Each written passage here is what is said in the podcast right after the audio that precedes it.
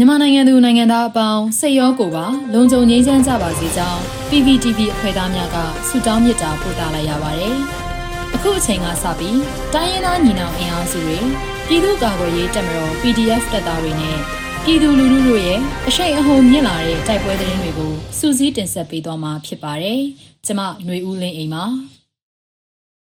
ပထမဆုံးအနေနဲ့ကံပက်လက်မှာ CDF နဲ့စစ်ကောင်စီတပ်တို့တိုက်ပွဲဖြစ်ပွားပြီးစစ်သား9ဦးသေဆုံးကတက်ဆုပ်ပြေးတဲ့တဲ့ရင်ကိုတင်ဆက်ပေးမှာပါ။ချင်းပြည်နယ်ကံပက်လက်မြို့နယ်တွင်ချင်းကာကွယ်ရေးတပ် CDF နဲ့စစ်ကောင်စီတပ်များအကြားယနေ့နနက်၈နာရီမှ၁၇နာရီအထိ၃နာရီကြာတိုက်ပွဲဖြစ်ပွားပြီးစစ်ကောင်စီဘက်မှစစ်သား9ဦးသေဆုံးကတက်ဆုပ်ခွာထွက်ပြေးသွားကြောင်းကံပက်လက် CDF ကသတင်းထုတ်ပြန်ပါတယ်။ကျင်တွင်းမြို့ရှိအကြမ်းဖက်စစ်ကောင်စီနဲ့ CDF ကံပက်လက်တို့ဟာ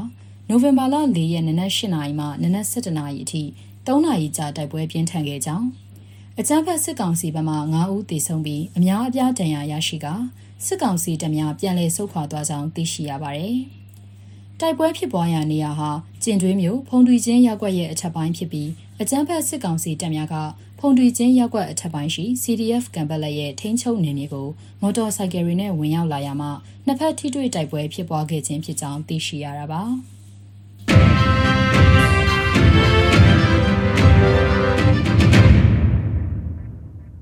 ဆက်လက်ပြီးမင်းအောင်လိုင်မန္တလေးရောက်ရှိနေချိန်ကြောက်ဝိုင်းဘုံဖြင့်တိုက်ခိုက်ခံရပြီးတက်ချက်သေးဆုံးကဒွေရဲအုပ်တန်ရရတဲ့တဲ့ရင်ကိုတင်ဆက်ပေးမှာပါအကြမ်းဖက်စစ်ကောင်ဆောင်မင်းအောင်လိုင်မန္တလေးရောက်ရှိနေချိန်မန္တလေးကြောက်ဝိုင်းဘုံဖြင့်တိုက်ခိုက်ခံရပြီးစစ်ကောင်စီတက်ချက်သေးဆုံးကဒွေရဲအုပ်တန်ရရရှိကြောင်းအဆိုပါဘုံဖြင့်တိုက်ခိုက်မှုဟာဗမာစာမဏီအဖွဲ့က၎င်းတို့လက်ချက်ဖြစ်ကြောင်းကြေညာပါရယ် နိုဝင်ဘာ၄ရက်နေ့မနက်အစောပိုင်းဖြစ်ပွားတဲ့အဆိုပါဖောက်ခွဲမှုကြောင့်ရဲတပ်ချက်တအူးသေဆုံးပြီးဒူရဲအုပ်တအူးဒဏ်ရာရရှိခဲ့ကြောင်းစစ်ကောင်စီမှကြောက်မြက်စီအားဖွင့်ရန်စာထုတ်ခဲ့ခြင်းအပေါ်ဗမာစာမဏေအဖွဲ့ကတုံ့ပြန်ခြင်းဖြစ်ကြောင်းသိရှိရပါတယ်။လက်ရှိမှာမန္တလေးတွင်စိုက်ကယ်နှင့်ကားတွေကိုအထူးကြက်မှတ်စစ်ဆေးလျက်ရှိကြောင်းဒေသခံများကဆိုပါတယ်။ အဆိုပါဖောက်ခွဲမှုဖြစ်ပွားချိန်နိုဝင်ဘာလ3ရက်နေ့မှစတင်ပြီးအကြမ်းဖက်စစ်ကောင်ဆောင်မင်းအောင်လှိုင်မှာမန္တလေးရောက်ရှိလျက်ရှိနေကမန္တလေးတွင် လုံခြုံရေးအထူးတင်းကျပ်ထားခြင်းလည်းဖြစ်ပါတယ်။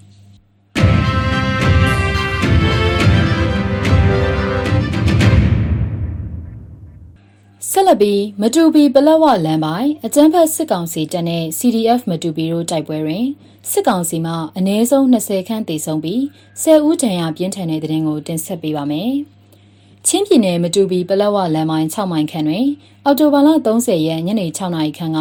အကြမ်းဖက်စစ်ကောင်စီတပ်နဲ့ CDF မတူပီတို့ကြားတိုက်ပွဲဖြစ်ပွားပြီးစစ်ကောင်စီတပ်မှအ ਨੇ ဆုံး20ခန့်တေဆုံးက10ဦးခန့်ပြင်းထန်ဒဏ်ရာရကြောင်း CDF မတူပီကသတင်းထုတ်ပြန်ပါတယ်။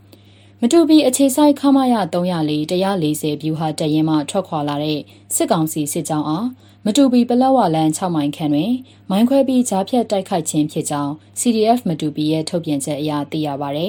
။နိုဝင်ဘာလ2ရက်နေ့နက်ပိုင်းမှာလည်းမတူပီပလက်ဝလန်းတွင်တိုက်ပွဲဆက်လက်ပြင်းထန်ပြီးတူရှိကျေးရွာတွင်အကြမ်းဖက်စစ်ကောင်စီတပ်များဝင်ရောက်လာကလက်နက်ကြီးလက်နက်ငယ်တွေနဲ့ရန်တမ်းပစ်ခတ်မှုကြောင့်ရွာလုံးကျွတ်ထွက်ပြေးတိမ်းရှောင်နေရပါတယ်။ မင်းတပ်မတူပီလမ်းတလျှောက်ရှိကျေးရွာများမှာအကြမ်းဖက်စစ်ကောင်စီကပြည်သူပိုင်းနေအိမ်တွေကိုဖျက်ဆီးခြင်းပစ္စည်းတွေကိုခိုးယူခြင်းအိမ်မွေးကျဝက်တွေကိုတပ်ဖြတ်စားတောက်ခြင်းကြောင့်ဒေသခံ1100ကျော်တောရဲထွက်ပြေးတိမ်းရှောင်နေကြရပြီးစားနပ်ရိက္ခာနဲ့ဆေးဝါးတွေအရေးပေါ်လိုအပ်နေကြောင်းသိရပါဗျ။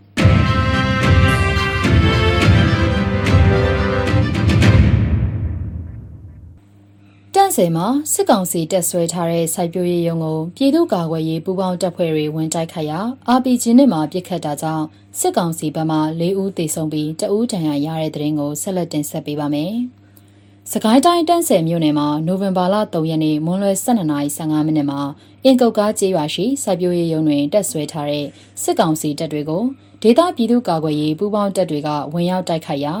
စစ်ကောင်စီဘက်မှ၄ဦးသေဆုံးပြီးတဦးဒဏ်ရာရရှိကြောင်းဒေသကာကွယ်ရေးတပ် TPC ကသတင်းထုတ်ပြန်ထားတာပါ။နိုဝင်ဘာ3ရက်12:15မိနစ်ဝန်းကျင်မှာအင်ကုတ်ကားရွာစိုက်ပျိုးရေးရုံးမှာတက်ဆွဲထားတဲ့စစ်တပ်ကို TPC နဲ့ CAF အဖွဲ့တို့ပူးပေါင်းစစ်ဆင်ရေးတစ်ခုဆောင်ရွက်ခဲ့ကြောင်း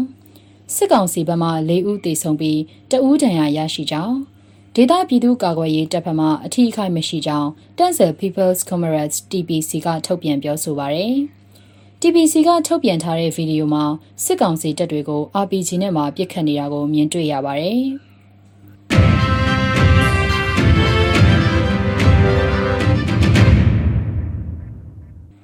နောက်ဆုံးအနေနဲ့အမျိုးသားညီညွတ်ရေးအစိုးရပြည်ထရေးနဲ့လူဝင်မှုကြီးကြပ်ရေးဝန်ကြီးဌာနကနိုဝင်ဘာ၄ရက်ရက်စွဲနဲ့ထုတ်ပြန်တဲ့ပြည်သူ့ခုခံတော်လှန်စစ်တရင်အချက်လက်တွေကိုတင်ဆက်ပေးသွားမှာပါ။